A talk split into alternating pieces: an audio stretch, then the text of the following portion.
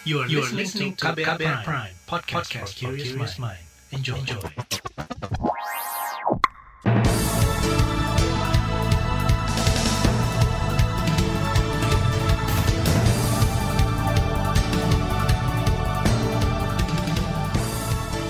Selamat pagi saudara, senang sekali kami bisa menjumpai Anda kembali melalui program Buletin Pagi edisi Senin 4 Oktober 2021. Bersama saya, Naomi Liandra. Sejumlah informasi pilihan telah kami siapkan di antaranya, pemerintah diminta perjelas izin penyelenggaraan kegiatan besar saat pandemi. Jokowi sebut pos perbatasan tingkat keamanan. Banyak UMKM batik di Solo alih usaha. Dan inilah Buletin Pagi selengkapnya. Terbaru di Buletin Pagi. Asosiasi Perusahaan Pameran Indonesia Asperapi menyambut baik rencana pemerintah mengizinkan penyelenggaraan kegiatan berskala besar seperti pameran, konser, pernikah, dan juga festival di tengah pandemi COVID-19. Ketua Umum Asperapi, Jose Andres Runkat, meminta ada kejelasan dari pemerintah terkait rencana pemerintah ini. Asosiasi Pameran tidak pernah diajak bicara terkait rencana izin tersebut. Ia khawatir muncul masalah di lapangan jika wacana ini tak dikoordinasikan dengan kementerian dan lembaga terkait apakah Keminfo itu sudah berkoordinasi dengan pihak-pihak lain, contohnya dengan Satgas, Satgas Pusat, Satgas Daerah, BPD, sampai yang namanya kepolisian. Karena kalau akhirnya cuma sekedar wacana, tetapi tidak ada koordinasi di internal kementerian ya atau kelembagaan, yang saya takutkan akhirnya sudah sering terjadi hal-hal seperti ini, nggak jalan gitu loh. Ataupun kalau jalan saya nggak tahu sampai kapan kira-kira jalannya. Ketua Umum Asperapi Jose Andras menyebut perlu keterlibatan banyak pihak untuk menyelenggarakan kegiatan dengan kapasitas besar di tengah pandemi virus corona. Menurutnya masing-masing kementerian dan lembaga memiliki tanggung jawab misalnya dari sisi kesehatan, keamanan, dan penyelenggaraan. Pekan lalu, pemerintah berencana memberi izin kegiatan skala besar seperti resepsi pernikahan, pesta, festival, hingga konser musik. Menteri Komunikasi dan Informatika Menkominfo Joni G. Plate menyebut rencana itu mengikuti rekomendasi Organisasi Kesehatan Dunia WHO terkait izin kegiatan besar di masa pandemi COVID-19. Pembukaan aktivitas itu, kata dia, dilakukan berdasarkan tolok ukur jelas dan tidak asal-asalan. Tapi dengan dua syarat utama. Syarat yang pertama adalah tertib protokol kesehatannya. Syarat yang kedua vaksinasinya lancar. Sehingga e, untuk itu maka aktivitas masyarakat mulai dibuka kembali untuk mendukung pemulihan ekonomi nasional kita. Menurut Menkominfo Joni G. Plate, izin penyelenggaraan kegiatan bakal diberikan selama kasus COVID-19 terkendali. Ia meminta komitmen dari penyelenggara kegiatan untuk mengutamakan kesehatan dan keselamatan karena risiko penularan COVID-19 selalu ada ketika kerumunan terjadi. Sementara Satuan Tugas Satgas Penanganan COVID-19 menyatakan pemberian izin kegiatan berskala besar tetap memperhatikan level pada pemberlakuan pembatasan kegiatan masyarakat atau PPKM di masing-masing daerah.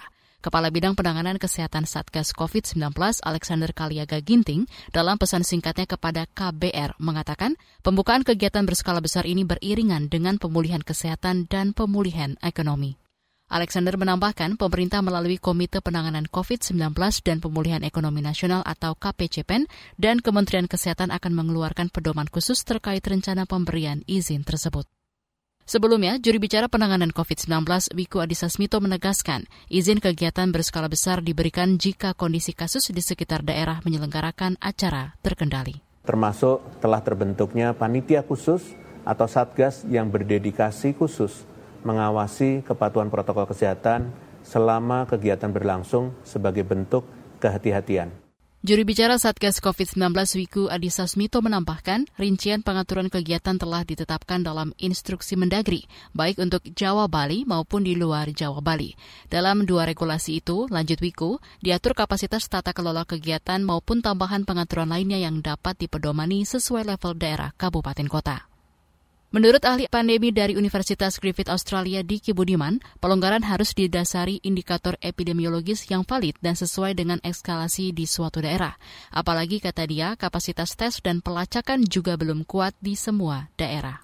Membolehkan ya atau diadakannya acara besar seperti konferensi, pameran dagang, konser, olahraga, pesta hingga resepsi pernikahan yang diberikan pemerintah karena merasa sudah kondisinya membaik dan kasus COVID turun. Ini secara umum tidak bisa diterapkan disamaratakan semua daerah, tidak bisa begitu. Epidemiolog dari Universitas Griffith Australia, Diki Budiman menambahkan, penurunan kasus tidak bisa dijadikan dasar jika tes dan pelacakan belum maksimal. Dia menuding pelanggaran dilakukan saat ini bukan karena kasusnya aman, melainkan karena kebutuhan pemulihan ekonomi. Diki menyarankan agar pemerintah membuat percontohan atau pilot project terlebih dahulu sebelum memulai perhelatan kegiatan berskala besar seperti konser musik. Saudara, hingga kemarin terjadi peningkatan kasus konfirmasi COVID-19 harian sebanyak 1.100-an kasus. Sementara angka kesembuhan bertambah sebanyak 2.000-an kasus dan kematian bertambah 58 jiwa. Angka kematian harian merupakan yang terendah sepanjang 2021. Perhimpunan Guru sebut banyak sekolah tak siap selenggarakan pembelajaran tatap muka. Informasi selengkapnya hadir sesaat lagi, tetaplah di Buletin Pagi KBR. You're listening to KBR Pride, podcast for curious mind. Enjoy!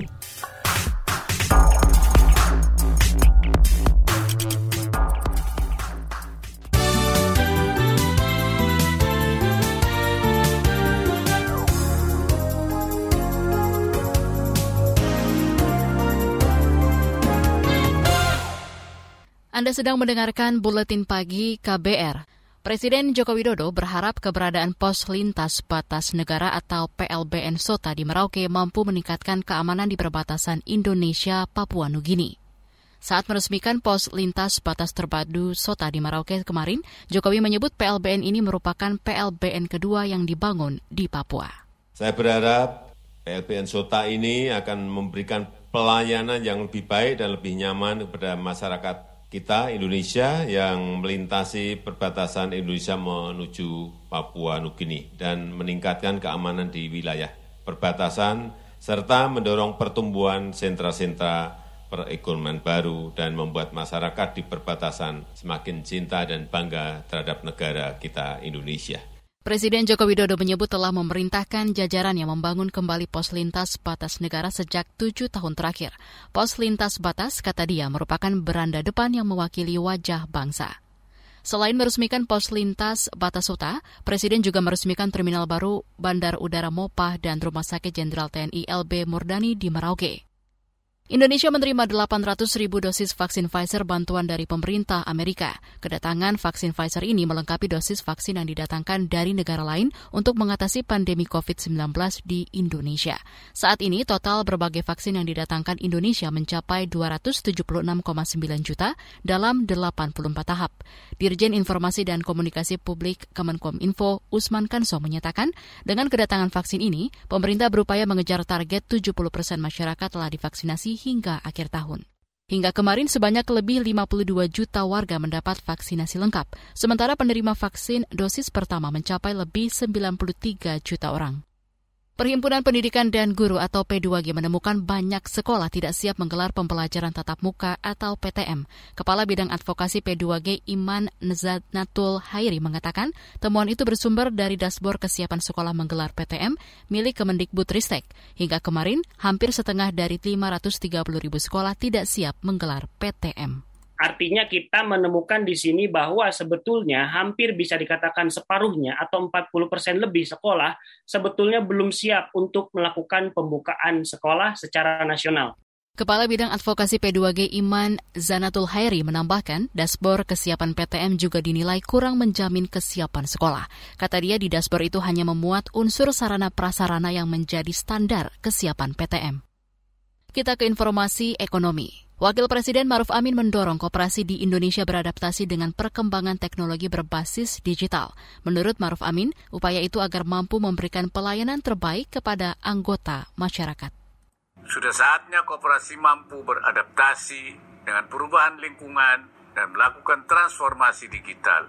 Saudara-saudara harus mengubah citra kooperasi menjadi modern baik dalam pengelolaan usaha, pelayanan anggota, serta akses pembiayaan. Wakil Presiden Maruf Amin menambahkan, pemerintah berkomitmen memenuhi kebutuhan infrastruktur sektor telekomunikasi dan informasi, mendukung upaya transformasi digital kooperasi di Indonesia.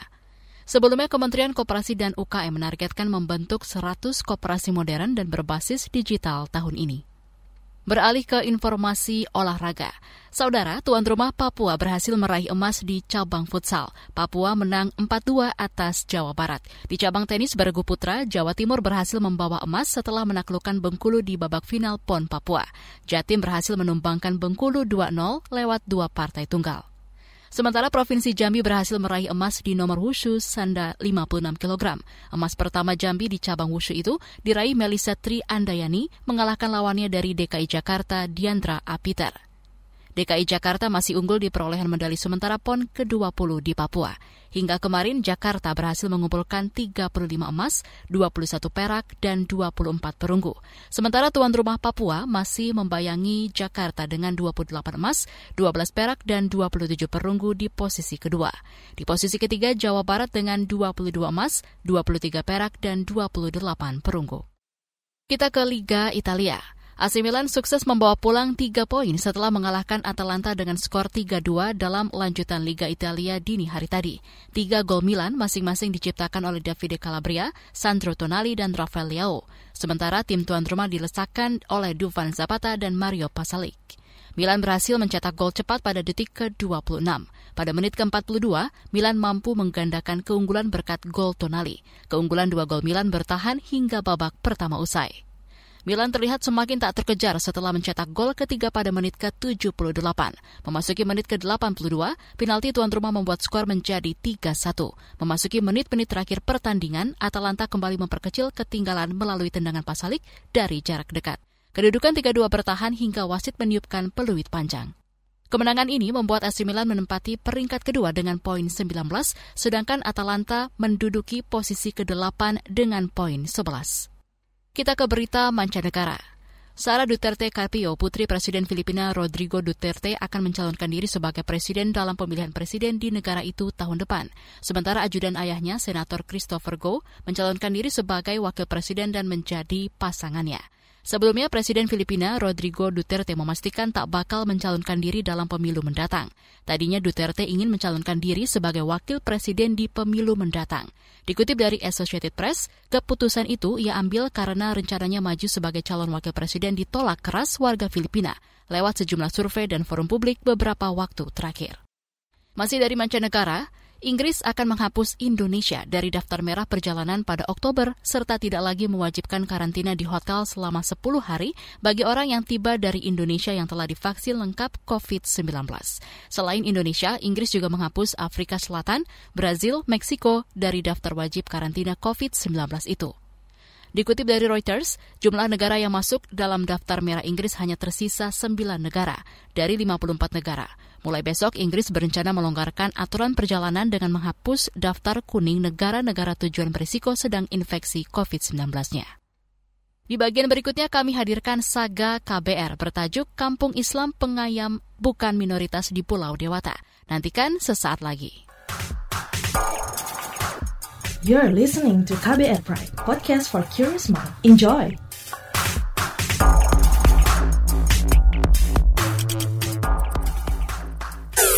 Commercial break.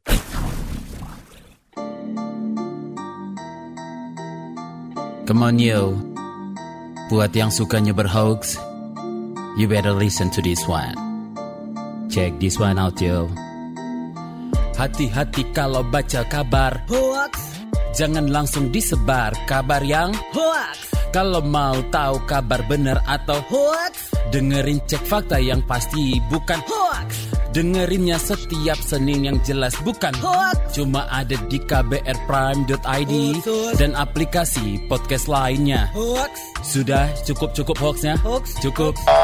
Jaga emosi, tahan jari, verifikasi sebelum dibagi. Saya Ari Bowo Sasmito, Ketua Komite Pemeriksa Fakta Mafindo. KBR Prime, podcast for curious mind.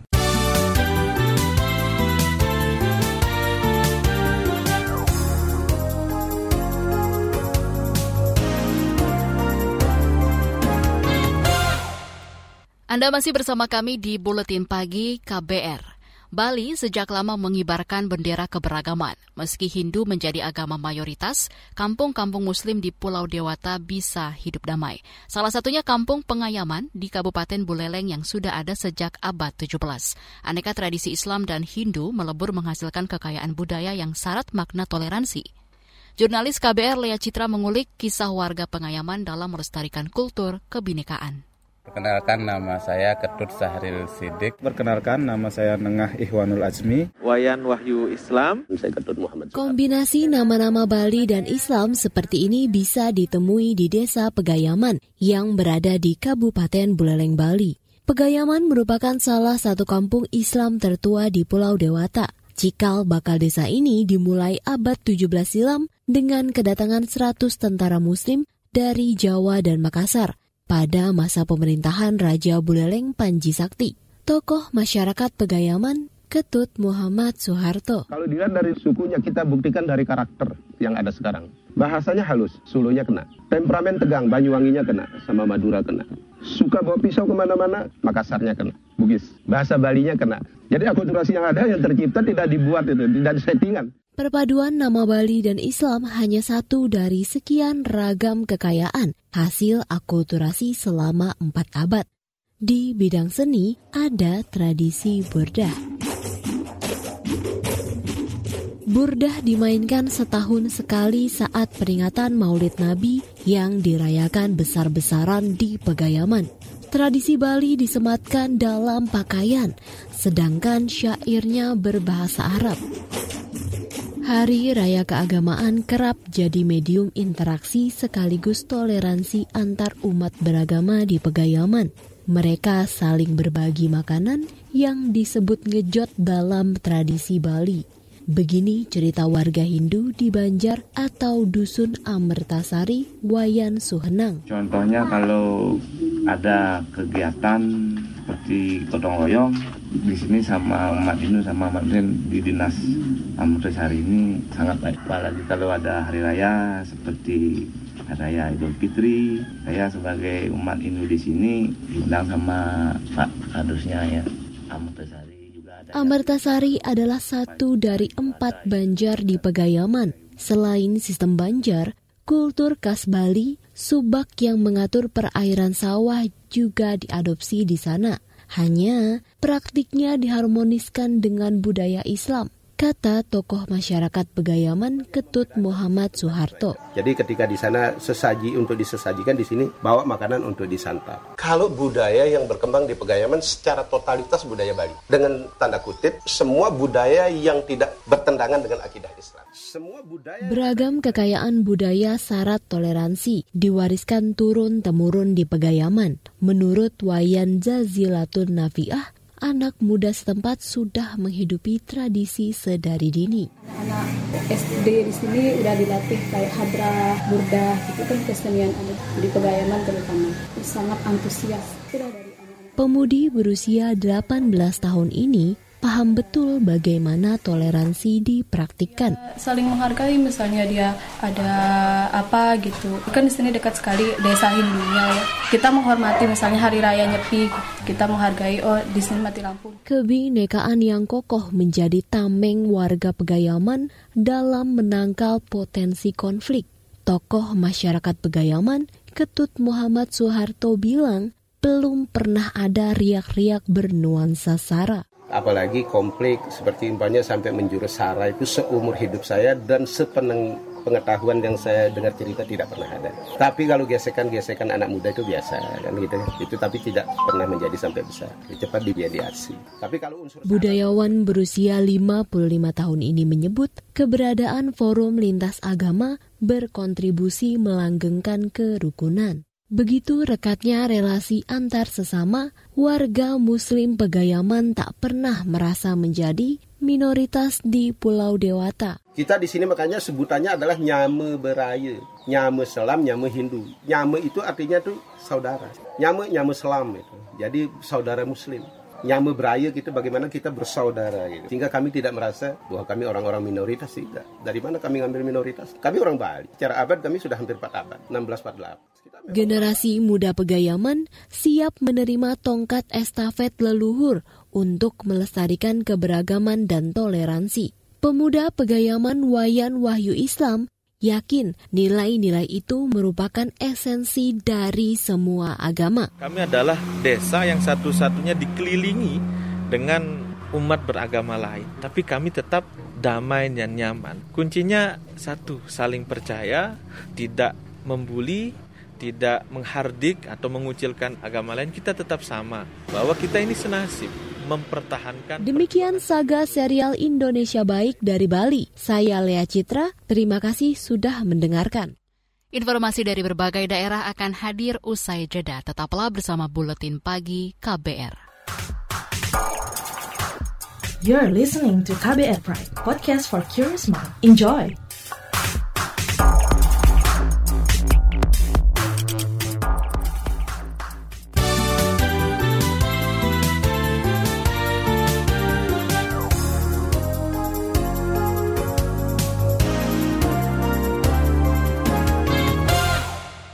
Inilah bagian akhir buletin pagi KBR. Kita ke Jawa Tengah. Saudara, industri UMKM batik di Solo masih terpukul akibat pandemi virus corona. Akibatnya banyak UMKM batik yang kini beralih usaha. Selengkapnya bersama kontributor KBR Yuda Satriawan. Pandemi memukul industri UMKM batik di Solo. Juru bicara Paguyuban Batik Kauman Solo Gunawan Setiawan mengatakan dampak pandemi membuat komunitas wisata kampung batik maupun UMKM batik beralih usaha. Gunawan menjelaskan pandemi membuat industri batik tertekan mulai dari merumahkan pekerja, memotong upah, menjual aset usaha batik hingga alih usaha kuliner. Sampai sekarang bertahan gitu. Selama dua tahun ada lah untuk menjual-jual itu. Misalnya jual motor, jual ya motor karyawan lah, motor anu lah dijual. iya, bukan motornya karyawan kita jual udah. Ya seperti itu lah, wong yo sebulan pengeluaran segini-segini kan tahu sendiri. Gak ada pemasukan loh. Lebih lanjut, Gunawan mengungkapkan pengusaha batik di kampung batik Kauman Solo ini terus berkurang. Industri padat karya ini semakin tersingkir. Gunawan menceritakan kampung batik Kauman sejak dulu menjadi salah satu sentra batik andalan kota Solo. Kampung ini dulu memiliki ratusan usaha batik, namun kini tinggal belasan usaha batik yang masih bertahan. Kampung batik ini berhadapan dengan pusat batik dan tekstil, Pasar Klewer Solo yang memiliki 6.000 pedagang batik. Dari Solo, Jawa Tengah, Yuda Satriawan, KBR. Kita beralih ke Banten. Desa Carita di Kabupaten Pandeglang, Banten menjadi satu dari 50 desa wisata terbaik di Indonesia tahun ini. Menurut Bupati Pandeglang, Ina Narulita, Desa Carita berhasil mengalahkan 1.800 desa di Indonesia dengan suguhan wisata alam dan produk ekonomi kreatifnya. Kami ingin juga bahwa pariwisata di Pandeglang ini tidak hanya aja di Banten, tapi juga nasional dan internasional. Tambah lagi Bapak juga mensupport kami dari KEK dan juga Geopark kami akan mendunia juga. Bupati Pandeglang Ina Narulita berharap bantuan dan program nasional pengembangan wisata dan ekonomi kreatif yang diinisiasi Kemenparekraf bisa menjadi jaminan wisatawan berkunjung ke Pandeglang. Informasi tadi menutup jumpa kita di Buletin Pagi hari ini. Pantau juga informasi terbaru melalui kabar baru, situs kbr.id, Twitter kami di akun @beritaKBR, serta podcast di alamat kbrprime.id. Akhirnya saya, Naomi Liandra bersama tim yang bertugas undur diri. Salam.